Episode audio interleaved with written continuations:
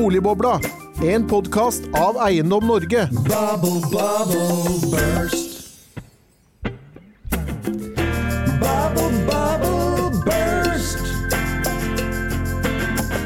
Bubble, bubble, burst. Hjertelig velkommen til en ny episode av Boligbobla, og denne gang om hvor skal boligmarkedet i 2023? For de siste tre månedene har boligprisene i Norge falt eh, 6,5 og det er det største boligprisfallet siden finanskrisen. Og den sterke prisveksten i første halvår i år er nå så godt som utradert i de fleste områder. I løpet av 2022 har styringsrenten fra Norges Bank blitt mer enn femdoblet fra 0,5 prosentpoeng til 2,75% Hvor skal styringsrenten i 2023, og hvor skal boligmarkedet? I 2023 spør vi, og for å få oss gjennom dette temaet har vi fått på oss noen utmerkede gjester. Sara Midtgaard, eh, seniorøkonom i Handelsbanken, hjertelig velkommen til deg. Tusen takk.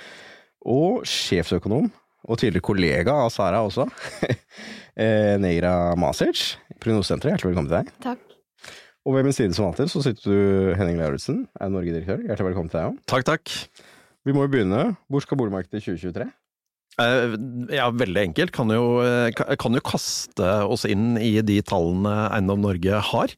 Og eh, vi regner jo da nominelle boligpriser tolv måneders vekst, og da sier vi ned 3,5% i 2023 for Norge. Da sier jeg oh la la, ned 3,5% dette er ikke bra. Dette er, eh, dette er jo Dette er mørkt. Eh, Ja, mørkt og mørkt. Altså På mange måter så er det ikke så fryktelig mørkt, men, eh, men det er en god del ned, eh, kanskje særlig da den første delen av året. For vi er jo ikke vant med at ja, boligprisen har falt mye gjennom året, og vi ender kanskje på null i 2022, men vi skal ytterligere ned. Ja, nei, det er jo en, eh, det er en rente som ligger her, og, eh, og helt sikkert kommer til å hjelpe godt til i tiden eh, fremover, og særlig, særlig ved inngangen til året. Så det er, det er renten som da er den store årsaken til at vi setter prognosen på det nivået? Ja. Så, øh, og hvordan ser de ulike da, delene av landet ut, øh, hvis landet Norge er på 3,5% minus, hvordan øh, Ja, det, dette er jo ganske morsomt, fordi dette, det, her er det jo virkelig, virkelig vært de store diskusjonene frem og tilbake, men eh, vi, eh, vi har jo da landet på Oslo ned hele 6 Eh, og så kan vi gå til den motsatte enden av skalaen, som er Stavanger, som er pluss 1 eh, prosent, og Trondheim og Bergen med minus 1% Så eh, variasjonen her er jo kanskje større enn normalt. Nei, Jeg skal komme litt tilbake til, til hvordan dette har endt på det nivået, men øh, Sara, hvordan høres dette ut øh, for deg? Det er ikke sånn veldig langt fra våre prognoser. Vi eh, tror jo på en, eh, et fall i boligprisene neste år på 4% men da måler vi da snitt år mot år. Eh, Hva blir så det da på tolvmånedersveksten, da? Det blir vel et fall på litt over 1% som jeg har sett. Så det er jo ikke så mye som det dere, men vi er mer glad i snitt år mot år-prognoser siden Altså, det baseeffektet kan prege mye den tolvmånedersvekstprognosen. eh. Men ja, det er det vi forholder oss til, da. Snitt eh, år mot år. Og ganske så lik utvikling for Oslo. Mm. Og der igjen er det jo utviklingen i styringsrenta som er den viktigste driveren, og hvor rentetoppen blir, vil være veldig avgjørende for hvordan boligprisene vil utvikle seg. Eh, Vi ser jo da for oss at det blir enda en renteheving nå i mars, slik at styringsrenta havner på 3 da. Men at der stopper de, eh, Mm. og da er de ferdige. Og, og det er det som gjør at boligprisene ja, faller så mye som de gjør. Og jeg tenker jo en X-faktor oppi det hele. Jeg tenker det er ekstra stor usikkerhet nå rundt boligprisutviklingen. Eh, og det kommer av eh, bankene sin vilje til å gi boliglån. Mm. Eh, det kommer Det kommer også endringer ved nyttår, både i boliglånsforskriften, men også finansavtaleloven, som innebærer nå at nå er det jo slik at bankene har en frarådningsplikt eh, til å gi lån til kunder som har dårlig kredittevne. Men eh, fra nyttår vil det bli en eh, avslagsplikt. Mm. Og dette her blir veldig nytt farevann, eller sånn veldig nytt for mange av bankene. Og det vil være hovedsakelig på mellomfinansiering, hvor dette her vil eventuelt slå mest ut, da. Så det tror jeg vil bli en X-faktor for starten av neste, neste år. Avslagsplikten kan gi strammere eh, kår for mellomfinansieringen. Ja, jeg tenker det. Og, og hvis du da får færre da, som får mellomfinansiering, så betyr det at flere blir tvunget til å selge boligen sin før de kjøper ny. Eh, og det har vi jo sett allerede nå. Eh, altså dette halvåret her, altså antall usolgte boliger har jo økt i et rekordraskt tempo. Nå er antall usolgte boliger tilbake på 2019-nivåer. Um, og det betyr jo da at eh, flere igjen kommer til å måtte selge boligen sin før de kjøper ny. Men på et tidspunkt så skal jo også noen, de samme folka ut og kjøpe ny bolig.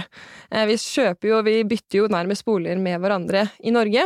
Som betyr at ja, vi får kanskje litt større fall eh, på starten av året. Men at, Brems først og gass etterpå. ja, brems først, og så gass etterpå. At boligetterspørselen kan ta seg litt mer opp igjen når vi kommer utpå våren neste år. Nera, hvordan rimer dette i din verden, da? Jeg tror dere har funnet eh, de to i Norge som er mest eh, synkrone og samstemte i sine boliganalyser, så dette Så det kan jo ikke, bli du, er ikke, du er ikke liksom minus ti pluss plus fem? Nei, altså hva skal jeg si. Eh, vi har en prognose på minus to til minus tre prosent tolvmånedersendring desember neste år. Et sted mellom to og tre prosent nedgang. oss, da. Ja. Ja, og da får vi en gjennomsnittlig årlig endring på nesten minus fem. Um, og det er jo det Norges Bank og SSB eh, lager prognose for. Um, så vi er ganske samstemt her. Og, og, og SSB lover også i det landet der, gjorde de ikke det? Litt, de, de, de fikk veldig mye fokus for sin eh, tredje kvartal eh, i 2023 mot tredje kvartal i år-vekst. Den var på minus åtte. Det var den alle avisene slo opp som hovedoverskrift. Eh, men jeg er litt usikker på hva de har som gjennomsnittlig årlig endring. Det må jo være mindre enn minus åtte. Ja, jeg lurer på om det var 4,6 eller noe sånt. Ja, så det er jo ikke så store sprik her. Det er kanskje noen aktører som eh, forventer eh, mer dramatisk nedgang.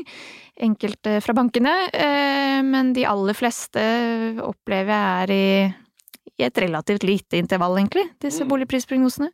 Men når du snakket om mellomfinansiering Å, jeg har mellomfinansiering nå, som begynner Altså, det er helt brutalt. Det er ikke gratis! Det er ikke Det gratis. er ikke gratis. Jeg ble helt sjokkert. Renta er to prosentpoeng høyere enn renta er ellers på det langsiktige lånet. Altså hele to prosentpoeng høyere. Ja, på, på et kjempelån i tillegg. Du skal, du skal betjene to lån samtidig, og i den perioden så er da renta di to prosentpoeng høyere på begge de lånene.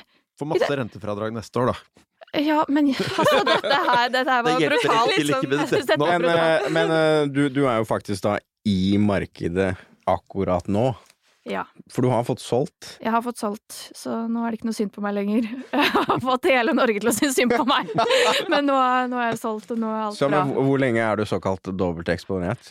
Eh, I nesten to måneder, fordi overtagelsene ble sånn. Så halvannen til to måneder. Og jeg, jeg har jo jobbet med dette her i åtte år og analysert dette markedet. Var ikke klar over at eh, det var såpass stor forskjell på, på renta på det langsiktige lånet ditt og på mellom, mellomfinansieringsbeløpet du har.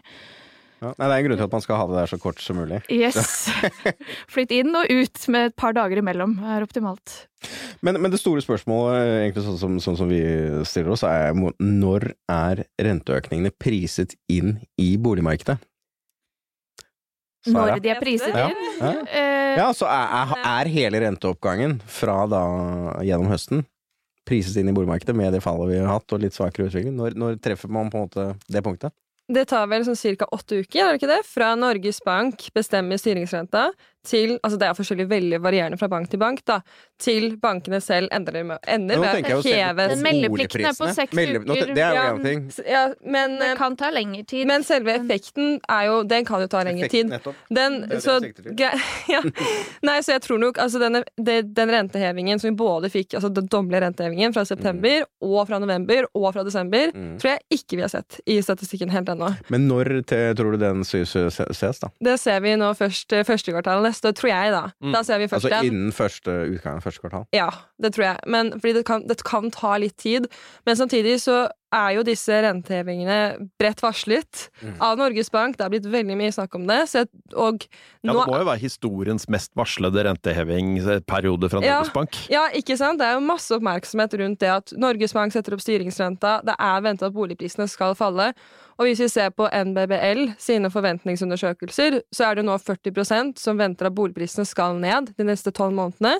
Opp fra rundt 15% Så nå er flere pessimistiske om boligprisutviklingen. Og det gjør jo at flere ender opp med å selge boligen sin før man også kjøper ny. Men eh, det tror jeg også gjør at dette eh, si, vendepunktet kom litt tidligere, da. Sånne økonometriske modeller sier jo også, ok, gitt hvordan renteutbanen er, og hvordan renteutviklingen er, så vil dette skje med boligprisene. Men vi tror at det går litt brattere ned. Det har vi allerede sett. Og det er jo Norges Bank også sagt, at de har vært overrasket over hvor raskt Ja, jeg, det, Egentlig så tok det jo veldig lang tid før Ja. nedgangen begynte, men så når den begynte, så har den kanskje gått uh, raskere ned enn det man trodde. Ja. Men uh, det er jo først i september boligprisene falt for første gang. Rentehevingene begynte for et år siden, Ja, og ikke sant. boligprisene Det begynte i fjor på høsten, Ja. så det tok veldig lang tid, syns jeg. Men samtidig så har jo på en måte det vært billig da, å låne penger, fordi styringsrenta ble jo ikke normal, eller det vi kaller for en normal styringsrente, på da 1,7 før vi var litt før sommeren, eller rundt sommeren. Mm. Eh, så det er da først man opplever at penger er dyrere da, enn en fra nullrentenivå, som er et historisk lavt nivå.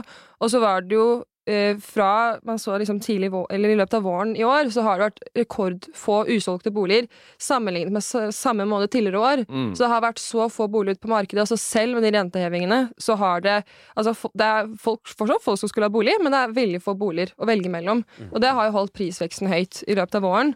Men nå når da eh, tilførselen av nye boliger har tatt seg Flere budrunder eh, og så Flere videre, litt mer press på prisene. Ja, og tilførselen av boliger tok seg betydelig opp. eh, Så har jo også et lager av usolgte boliger også tatt seg opp, med at tilbudet øker.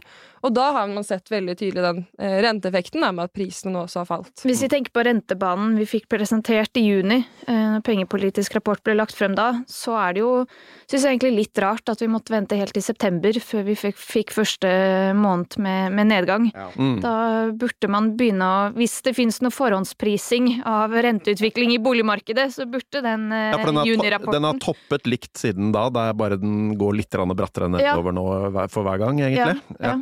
Eh, Men eh, ingen av dere har spurt meg om det, men jeg svarer likevel. Hvor... Jeg stiller meg selv spørsmålet. Neira, når tror du rentetoppen blir nådd? Da er svaret vi tror den er nådd.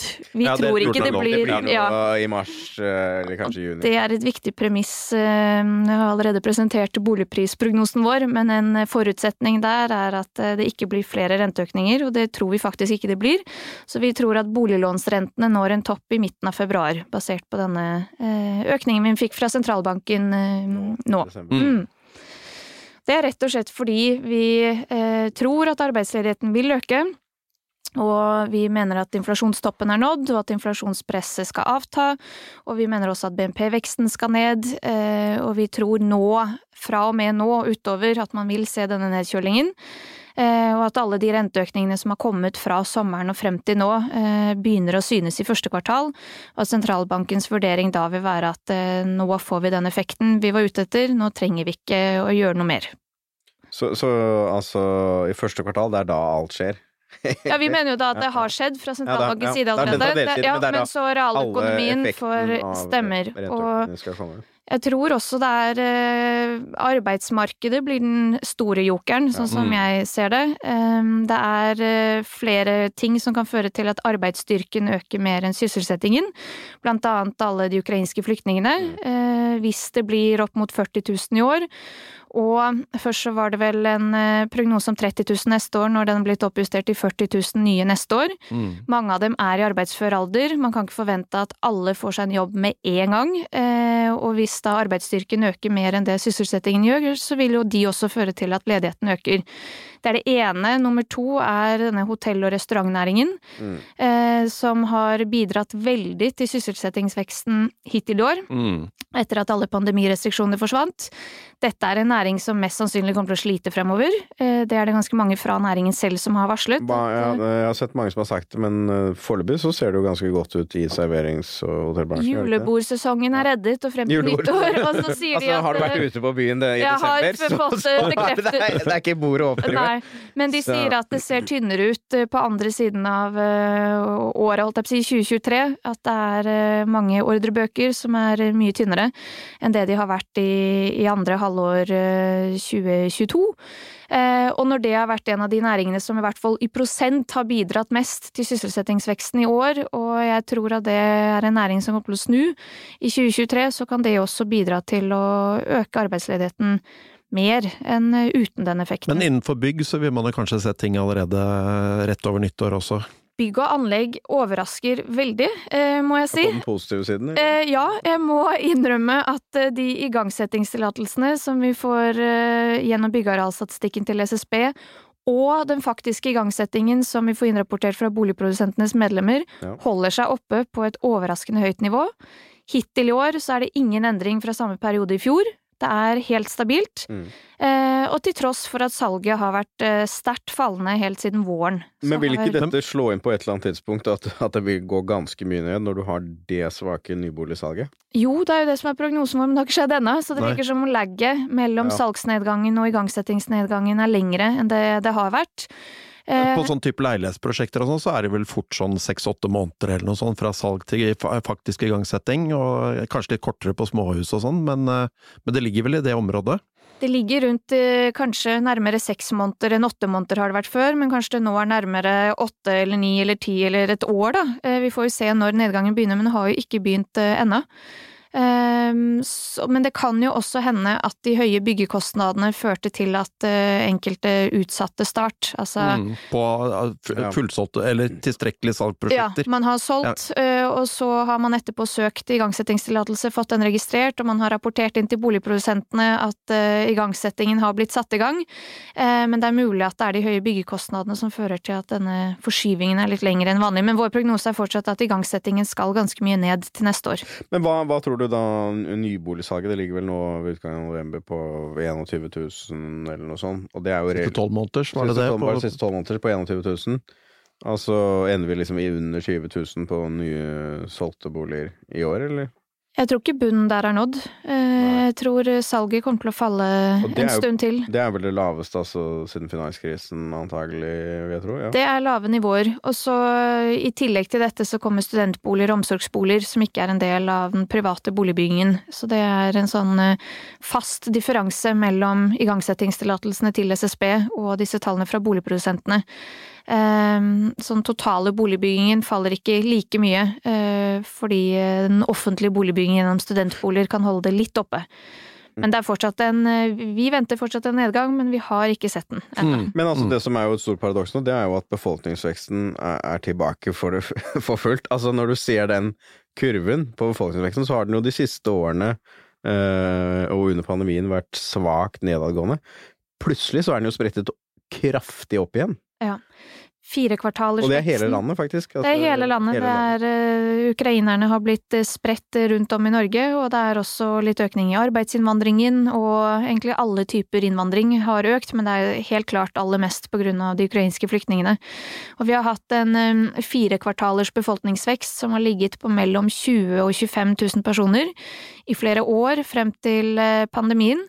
Og nå er vi oppe i 60 000 personer. Og det er jo altså på nivå med det høyeste var i 2012 eller noe. 2012 og 2013. Ja, ja, ja. Og så er det vel noe noe sånn som 50 000 for de tre talte kvartalene i år, så vidt jeg husker. kjempesterk befolkningsvekst, eh, som fører til at den samlede boligetterspørselen er ganske sterk. Men vi ser da at presset har flyttet seg fra eie til leiemarkedet, som Mm. også vises i deres eh, leieprisindeks som dere publiserer. Men du, du ser altså den, den arbeidsinnvandringen og flyktningene i sammenheng med, med leieprisøkningen også?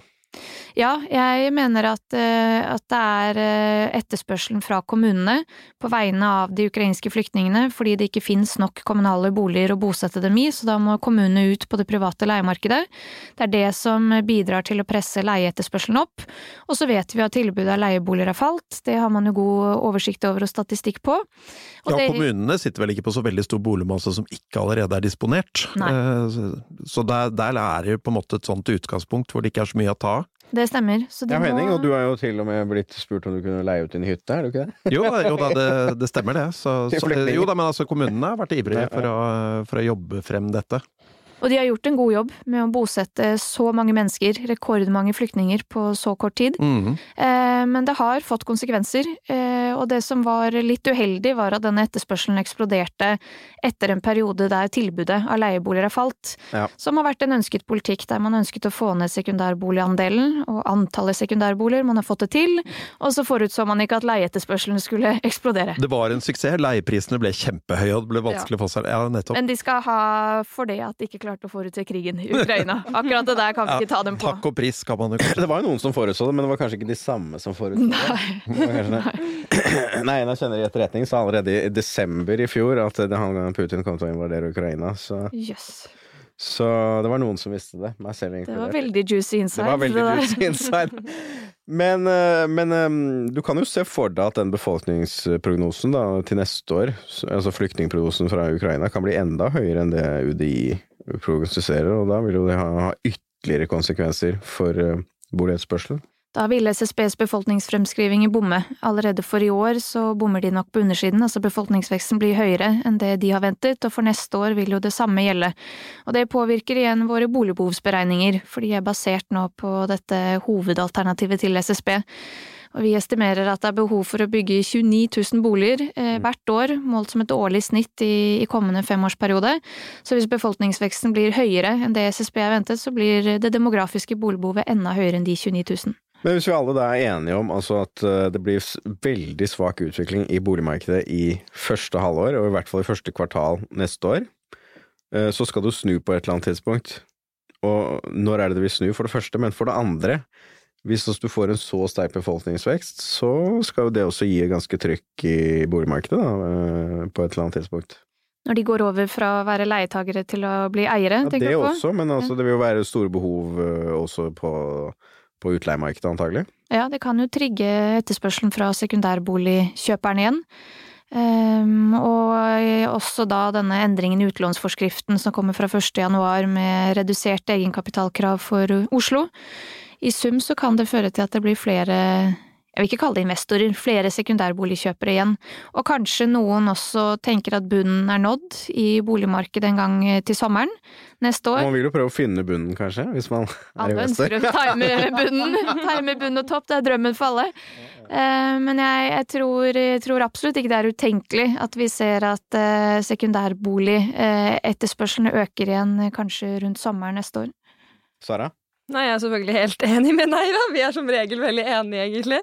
Nei, men nei, jeg er helt enig, og jeg tror at eh, ja, den endringen i boliglånsforskriften fra å ha 40% egenkapital, som egentlig er Altså, det er ikke så veldig mange som har mulighet til det med eh, altså boligpris da, i Oslo som har steget mye de siste årene, og det ser man jo også i ja, rapport fra Samfunnsøkonomisk analyse og Ambita at andelen sekundærboligeiere i Oslo har falt og er på et lavt nivå nå. Så jeg tror nok, som Neira sier, at flere kan se sin mulighet nå, da, når boligprisene i Oslo faller som de gjør, og eh, leieprisveksten er så høy som den er, at flere ønsker å, å bruke pengene sine på å eie en sekundærbolig og leie den ut, og tjene penger på det. Mm. Vi trenger jo leieboliger, det er vi alle enige om. Men er, Er vi alle enige om det? Ja, det, det er ikke naturlig at alle skal eie sin egen bolig, og vi, eh, enn så lenge så har vi fortsatt denne dokumentavgiften, som eh, kanskje blir fjernet en gang i fremtiden, og vi vet at den treffer unge mennesker, som er de som flytter oftest mest, eh, og det er ikke nå har jo skatteutvalget åpnet for å fjerne den, da, så her ligger det noen spor av det. Det- Men det har vi jo sett tidligere også. Mm. Og hvor lang tid tror vi det tar før det skjer noe med det? Det kan eh, Altså, den eh, skattereformen av 1992, den ble jo begynt å utrede på, på 60-tallet. Ja. Kanskje jeg er pensjonist. Tok det sånn 30 år cirka. Så, men eh, du, du trengte en bankkrise og 30 år da, for å på en måte få det gjennomført. Da. Ja, men vi vil jo ikke at eh, alle studenter i Norge skal eie egen bolig. De som flytter så ofte på seg, og det er transaksjonskostnader involvert, og mange av dem ville nok tapt. De hadde ikke bodd lenge nok til å få en prisvekst som dekker opp for transaksjonskostnadene, så vi må jo bare være enige om at vi trenger leieboliger. Det er hensiktsmessig, men eh, når folk kommer i en fase i livet der de kan eie, så er det jo best hvis alle eier. Men det gjelder jo ikke hele, hele det voksne livsforløpet. Fra man er 18 til kanskje man er i slutten av 20-årene, så er det kanskje pra mest praktisk for mange at de er på leiemarkedet. Men altså, alle, alle må jo bo et sted, men det er jo, det er jo et lite trøkk på, i hvert fall på lovsiden, da, Henning, på, på, på utleiemarkedet. Jo da, altså nå For nå er det jo da i budsjettforliket med SV nå, så er det jo vedtatt en eh, altså bl- blant de såkalte verbalpunktene, som det har vært en eksplosiv vekst i, i budsjettavtalene de siste årene. Hva var det par og 70 punkter nå? Så er det jo da er jo regjeringen pålagt å utrede en ny husleielov, blant annet. Ja, og det, det kommer jo inn, og noe av det som har vært vårt innspill der, er jo at man også må ha med økonomisk kompetanse i det utvalget som skal utrede den. Sånn at det ikke, eh, hva skal man si, alene blir styrt av jurister som tenker på rettighetsbestemmelser. For, eh, for det er klart, akkurat den dynamikken hvordan eh, forskjellige bestemmelser kan virke på tilbud og tilganger på utleieboliger, er ganske viktig i leiemarkedet. Og det, og det tror vi på en måte at man lett glemmer i den typen lovarbeid, og så, og så kan man finne på et eller annet som som kanskje gjør at, eh, at det blir påvirker hvor mange leieboliger som finnes, og da må man være klar over det, i hvert fall. Nei, Vi har jo hatt eh, tidligere en episode om leiemarkedet, og det, og det, er jo, det er jo et stort kunnskapshull i Norge. Vi vet jo eksempel ikke hvor mange utleieboliger det er. Nei. Fordi at det, det er jo studentbolig, det er sekundærbolig, det er privat utleie, det er privat utleie av egen bolig, Mm. videre. Rom i egen bolig. Rom i egen bolig, bofellesskap Altså det, Ja. det er jo stort behov for å, å få track record og hvor omfattende dette, dette her er. Og prisutviklingen, ikke minst. Absolutt. Så, men eh, tilbake til utlånsforskriften. Det var jo litt digresjon der med leiemarkedet. Eh, var det klokt å redusere stresstesten fra fem til tre prosentpoeng? Jeg tenker at det var fornuftig. Hvis man tenker på eh, hvordan eh, boliglånsrenta vil utvikle seg da, i løpet av våren, gitt at vår prognose på styringsrenta faktisk slår til, og vi ville hatt en styringsrente på 3 i løpet av våren, som da innebærer en boliglånsrente på nærmere 4,25% så betyr det at man måtte etter hvert eh, bli stresstestet til en rente på 9,25 og det er jo det er veldig høyt. Eh, I utgangspunktet så er det ikke stresstesten som vanligvis har spent bein på folk som skal ta opp Ja, nytt boliglån. Det er som regel fem ganger inntekt. Og hvis man ser på Finanstilsynet sin eh, banklåns utlånsundersøkelse, så var det eh, altså av nye utlån etter august i år, var det bare 5 som, som sleit med likviditetstest, eller stresstesten, da, i boliglånsforskriften. Og det er ikke så veldig mange. Men da var vi på et helt eh, annet rentenivå enn det vi kan ende opp med å få til våren. Eh, så da er det en stor forskjell mellom 9,25% og da, hvis vi ender opp med å ha fått nå, da, eh, med en ny lov som sier at man skal ha 3 prosentpoeng i renteøkning, på da 7,25% Og da ha en minimumsrente da, på 7 Eh, Da tenker jeg det er hensiktsmessig. Fordi, og i hvert fall kombinert med at eh, SIFO-budsjettet også blir oppjustert for, for at alt eh, blir dyrere. Ja, for eh, Det ville vel nesten vært samme virkning med altså bli stresstest på 9,25% som, om- som om renten hadde, hadde vært et par prosentpoeng høyere enn det den faktisk topper ut på. I hvert fall på store inntektsgrupper. da. Mm. Så, så dette ville vært noe vi ville sett en, altså en markert forskjell i boligprisutviklingen om det er på den ene eller andre måten, ville ikke det? Ja, jeg tror nok at man vil se en, en effekt, i hvert fall når den differansen er så stor, og som du sier, på liksom inntektsgrupper som er høyere, at da vil det i hvert fall altså, slå ut på dyrere objekter osv. Men eh, ja, det vil, jeg tror det ville vært en, en effekt, eh, men samtidig ikke veldig stor effekt. Ikke for de nasjonale boligprisene. Jeg tror heller eh, det som Neira var inne på, med den egenkapitalandelen for sekundærboligkjøp i Oslo heller vil ha en større effekt for bolig, Oslo-boligprisene Mm. enn endringer i stresstesten har på de nasjonale boligprisene. Mm. Jeg må si jeg er utrolig glad for at vi hadde den stresstesten på frem- 5 prosentpoeng eh, mens styringsrenta var null. Var null, ja. Det, Det var nok ikke så dumt. Nei, det tror jeg var veldig lurt, fordi når man tenker tilbake på den perioden, og de SIFO-referansebudsjettene som ble brukt da, som man ikke lager noen prognose for, altså bankene når de gjør sin vurdering, så stresstester de der for en renteøkning på, på 5 prosentpoeng, men de bruker det gjeldende SIFO-referansebudsjettet da. Og det budsjettet, frem til den endringen som kom i slutten av september, det var jo Fordi at det som har skjedd i år, er vel at det har vært to oppdateringer av Stemmer. SIF-budsjettet, er det ikke det? Jo. Det er alltid i februar, og den i februar kom også i år, men Ja. så siden konsumprisveksten har vært så sterk etter februar, så kom de med ny en i slutten av september. Mm. Men hvis du ser på referansebudsjettet som ble brukt i fjor, eh, og det som ble brukt i 2020, Ja. og tenker på alle de som har fått lån basert på det budsjettet, da tenker jeg at vi skal være veldig takknemlige for at den stresstesten i hvert fall var på 5 prosentpoeng. Eh, fordi nå har jo styringsrenta blitt eh, 2,75 prosentpoeng høyere enn det den var da. Da var den jo null. Mm. Så vi er eh, bare så vidt over halvveis av den stresstesten, og likevel er det såpass mange som mener at de sliter.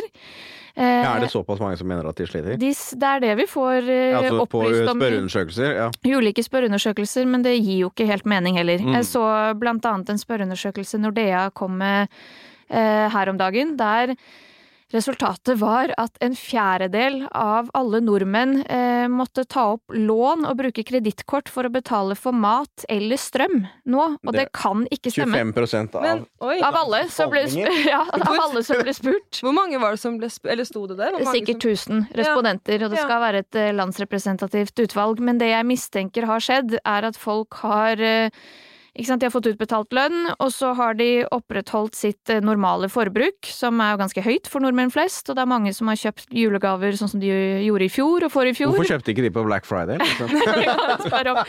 Kanskje de kjøpte på. Black Friday, men alle butikkene satte jo prisene dagen før Black Friday for å Ja, ja, ja. sette de ned igjen, så det var kanskje ikke så mye å spare. Week eller Black Month.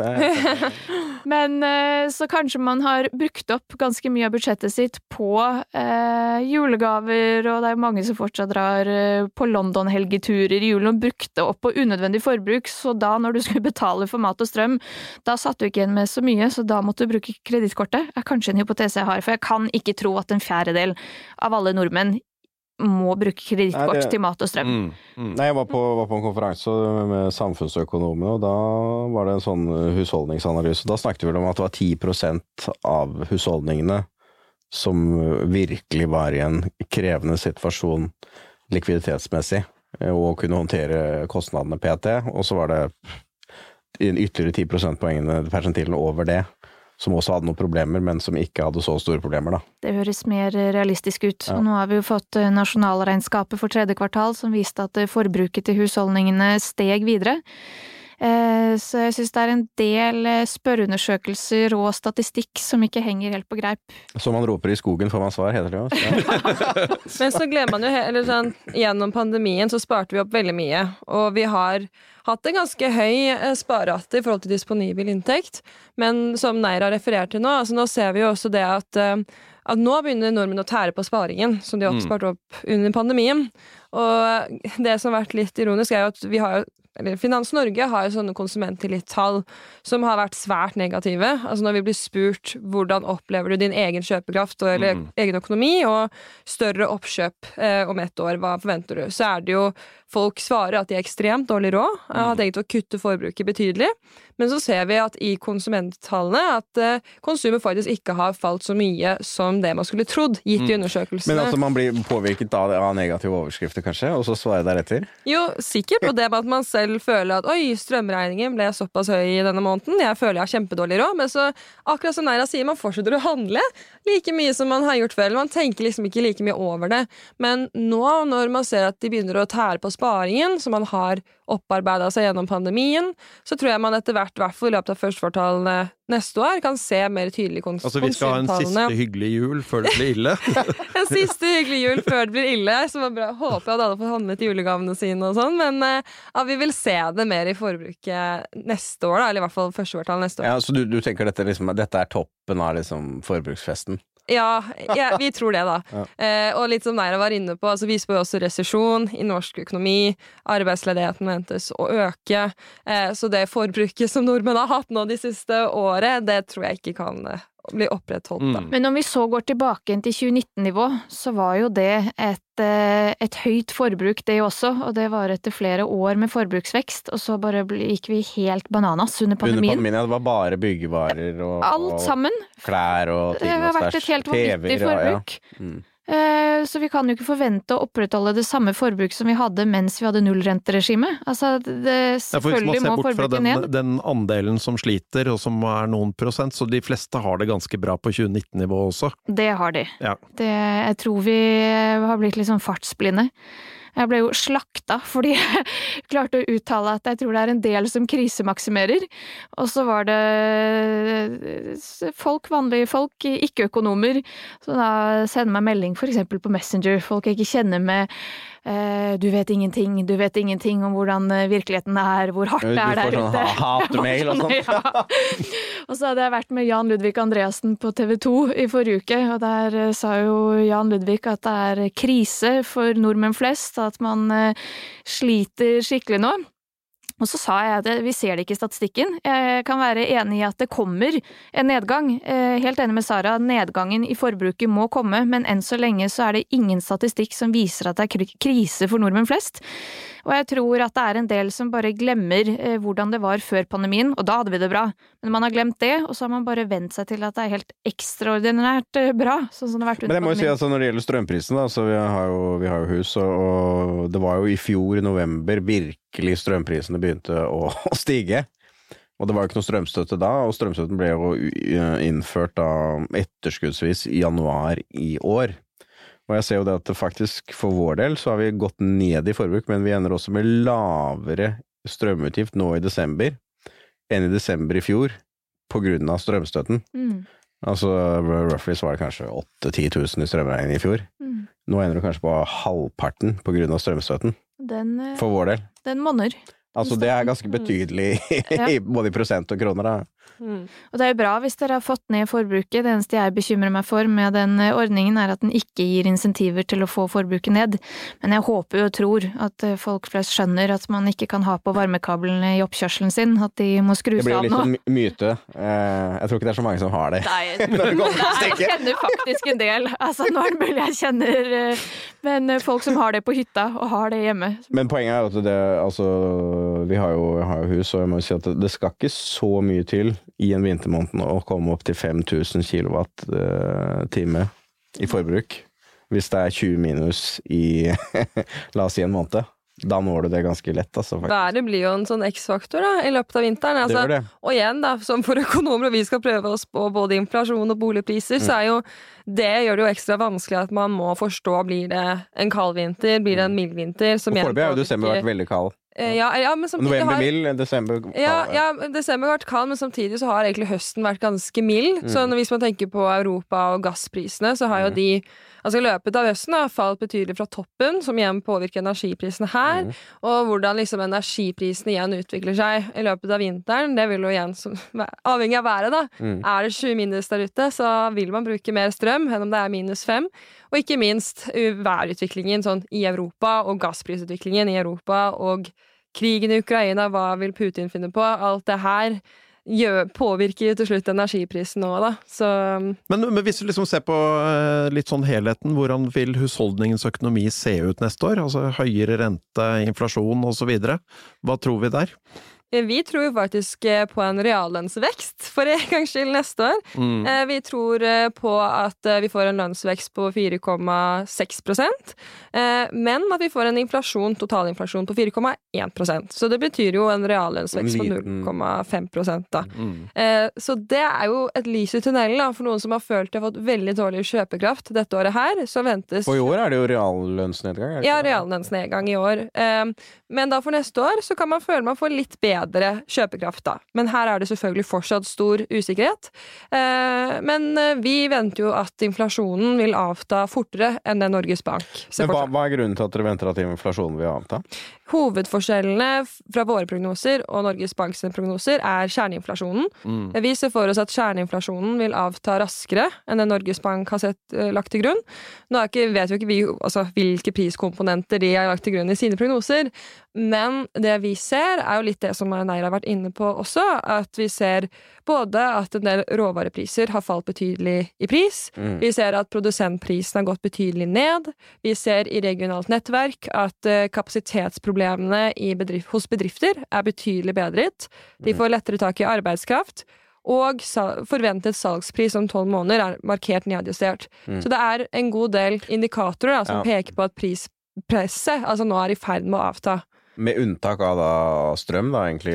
Ja, det blir jo en stor X-faktor Ja. oppi det hele. Og man, hvis man ser på fremtidspriser på energi og strøm, så ser man at det varierer jo fortsatt veldig fra topp til bunn. Fra uke til uke varierer det mye. Men vi har nøyaktig samme Eller jeg vet ikke om det er nøyaktig samme, da, men vi har lagt til grunn relativt samme strømprisprognose som Norges Bank. Men hovedforskjellene mellom våre prognoser er altså som er i kjerneinflasjonen, når man utelukker energivarer og avgiftsendringer. Um, men selv om vi ser for oss en lavere kjerneinflasjon enn Norges Bank, så tror vi likevel på en relativt høy lønnsvekst, egentlig. Så kan man jo stille spørsmålstegn om hvordan går det an at da kjerneinflasjonen kommer seg mer ned. Eh, men det vi ser, det er at eh, arbeidskraftkostnadsandelen av, altså til bedriftene av totale kostnader har vært eh, ganske så lav. At eh, arbeidskraftskostnader har vært en lav andel av totale kostnader. Eh, og produktiviteten har vært svært svak. Eh, men det vi ser for oss, er at eh, produktiviteten vil øke. Og det gir rom for økt lønnsvekst neste år, nominelt sett, da. Fordi arbeidskraftskostnaden totalt sett trenger ikke nødvendigvis å øke så mye for bedriftene hvis produktiviteten tar seg opp. Men hva, hva er grunnen til at du forventer at eh, produktiviteten skal ta seg opp? da? Det er veldig normalt. Egentlig kan vi være overrasket over at produktiviteten nå er så svak som den er, for den har vært veldig svak. Det er ikke bare i Norge, men det er, man ser det spesielt også i USA. Mm. Og det er helt normalt i en høykonjunktur som vi er i nå, det med at norsk økonomi har vært helt har vært opphetet. Eh, da er det typisk sånn at bedrifter ansetter flere, men de klarer faktisk ikke å produsere så mye mer, fordi de har full kapasitetsutnyttelse. De, de prøver å produsere mer, men hver enkelt arbeider får ikke produsert så mye mer varer, egentlig. Og det er jo en indikasjon på en lav produktivitet, og det gjør jo at arbeidskraftskostnadene øker enda mer. Så du må ansette flere for å produsere samme eh, mengde enheter varer, da. Men så er det jo typisk når arbeidsledigheten øker, så blir hver enkelt arbeider mer effektiv. Mm. Så dermed blir de totale arbeidskraftskostnadene ikke nødvendigvis så veldig mye høyere, selv om den nominelle lønnsveksten øker. Mm. Og lavere produktivitet eh, er jo også en konsekvens av den lave renten vi har hatt. Mm. Eh, Da kan man eh, igangsette alle slags mulige prosjekter, også de mindre smarte og mindre lønnsomme prosjektene er Ingen, plutselig ingen firma gikk konkurs under pandemien. Nei. Så, så egentlig skal vi liksom kort opp, vi skal prise oss lykkelige over at renten nå er kommet opp til ja, nesten 3 eh, Jeg tror det er veldig sunt. Og hvis man blir panisk eh, av det, så er problemet at man har tatt opp for mye lån og har for høy gjeld. Men, men altså Kjell Storesletten, professor i økonomi, han, mente vel altså at renten da burde vært dobbelt så høy som, som, som den er nå? Jeg leste det, og det er jo mange som eh, kanskje bare ser seg blind på hva renten har vært historisk, og jeg får jo alltid høre av menn i 60-årene jeg husker da renten var 15 Det er ikke bare menn i 60-årene, det er kvinner i 60- og 70-årene. kan jeg fortelle. Begge kjønn. Ok da, det er begge kjønn. At man husker tilbake til da renta var 15% ja det er fint for dere, men da kostet ikke boliger det de koster i dag, og det var ingen som hadde så mye lån som det vi har i dag. Så en, eh, renteøkning på ett prosentpoeng i dag biter jo veldig mye mer enn det det gjorde før, og det, det vet jo alle sammen. Men eh, tilbake til det, det Sara snakket om nå, jeg tror den reallønnsnedgangen som vi får i år, da først får konsekvenser for konsumet neste år. Det er vi vel også enige om, at da selv om du får en reallønnsvekst igjen neste år, så får du eh, effekten på konsumet, eh, den på en måte henger igjen etter reallønnsnedgangen i år. For det er jo mange da som kanskje tenker seg at hvis du får en reallønnsvekst neste år, ja det betyr jo at konsumet skal opp neste år, og forbruket skal opp neste år, men det jeg tror det lagget eh, vi får ved at vi da kanskje først i første kvartal neste år ser en reell nedgang i forbruket. Og det kan jo kanskje oppleves som litt paradoksalt, når man da samtidig kommer til å kanskje se at reallønnsveksten er på vei opp igjen. Men det er tidsforskyvingen her. Og en kommentar til til inflasjonen. Vi må jo bare huske på at inflasjon er prisendring, prisvekst. Det er prosentuell endring, og når for eksempel strømprisene er det de er i dag, og ganske høye, så skal det jo ganske mye til for at de skal fortsette å øke like mye, og det gjelder jo konsumprisene generelt. Vi er på et høyt nivå. Men kan ikke nivå. strømprisene nå liksom 20 kroner kilowatten? Jeg, jeg tror det finnes et eh, øvre tak eh, på det meste av konsumpriser. Jeg tror ikke de kan eh, øke i det uendelige. Ikke med de utsiktene vi har til lønnsvekst, og ikke med den eh, lønnsmodellen og lønnsdannelsen vi har i Norge. Så finnes det et eh, øvre tak her. Men eh, poenget mitt er bare at vi, vi følger jo med på tolvmånedersendringen i konsumprisindeksen. Tolvmånedersendringen er fortsatt høy, men om et år, når vi da skal sammenligne neste høst sine priser med denne høstens priser, så tror jeg det er i seg selv en naturlig årsak til at inflasjonen skal ned. Mm. Nivå og endring. Så, så det, det er en, hva skal du si, det er lys i tunnelen her, er vel det hvis du skulle oppsummere? Så skal det bli ruglete eh, i første halvår, og så skal andre halvår det, det skal være, Da skal det være litt optimisme og Og så skal vi være takknemlige for at vi har en sentralbank som kan sette en rente bare for oss, bare for Norge. Vi er ikke i en union med mange andre land, eh, der økonomiene utvikler seg Italienerne er ikke så veldig fornøyde, er det ikke det? Nei. Tenk hvis vi skulle vært i en eh, union med 25 andre land der økonomiene utviklet seg helt forskjellig, og så skulle vi ha hatt én rente alle sammen. Sånn sett så er vi heldige dersom eh, det kommer en nedgang i norsk økonomi fremover som blir eh, hardere, tøffere og sterkere enn det Norges Bank tror og spår og venter. Prosenter, så kan de kutte styringsrenta, og sånn sett er det positivt at de nå har opparbeidet seg et handlingsrom. Ved at de har satt opp renta, så har de heldigvis noe å kutte hvis dette her skulle gå skeis fremover. Dette var jo en veldig sånn klok eh, oppsummering, da. Vi må gå inn for landing. Du deler ut en slags sånn liksom det karakter- det- karakterer i innlegget. var, det var jo en sånn skikkelig appell. eh, kan avslutte med- men, vi, men vi har jo, før vi avslutter, så har vi alltid en spalte. Og det er jo din første bolig. Uh, Neira, du har vært der før. Du, du kan kanskje fortelle om din siste bolig, men det er jo da uh, Hva kjøpte du, hva kjente du, hva følte du? Eller hvis du leier, så det vet vi jo ikke. Uh, Sara, din første bolig? Ja, min første bolig er jo den boligen jeg bor i nå. På Lilletøyen. Den kjøpte jeg ja når jeg jobbet i prognosesenteret. Hun har helt det? fantastisk utsikt. Ja, Oh, ja, så Det kan jeg det røpe. er veldig, ja, jeg husker Ja, for der er det bratt bakke opp.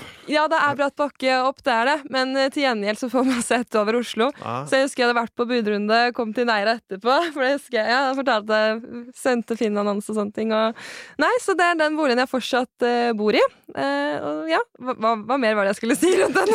Ja, det, hva betalt, du? Er, du- fornøyd med investeringen? Også. Ja, det, jeg var nok jeg fikk den på prisantydning på 3,5. Så det var jo flaks i boligmarkedet. Det var våren eh, 2021. Det var eh, Og i fjor, da var det jo en liten butt eh, i boligmarkedet, var det ikke det? Litt i Ja, men jeg husker jo også at jeg hadde Det var en periode hvor jeg hadde veldig mange venninner som skulle ut samtidig og kjøpe Ja. bolig. Og da var det en periode hvor de alle ble oppgitt, og det var eh, fra 500 000 til 1 million over prisantydning på mange av de boligene. såpass, ja. Så da jeg følte meg heldig, og så fikk denne på prisantydning. Mm. Og så handler det jo om eh, altså at du skal være veldig glad i den boligen du bor i òg. Man skal jo bo der en stund. Du skal ikke flytte med det første. Går jeg ut fra. Eh, nei, så da Ja, jeg var fornøyd. Jeg hadde liksom en liste over Ok, dette her eh, er sånn, mine hovedønsker. Checklist. Ja, ja. Checklist som veldig mange sikkert har. Og jeg tenkte på, til slutt at ok, kanskje jeg må kutte ut da noe fra den checklisten. For jeg, jeg hadde vært på Kuttet visning storslått utsikt over byen, for eksempel. Og så fikk hun det til slutt! ja, men Poenget var at jeg, jeg føler meg veldig heldig som faktisk fikk alt med checklista til den prisantydningen. Eller det, det, det jeg hadde sett for meg av pris.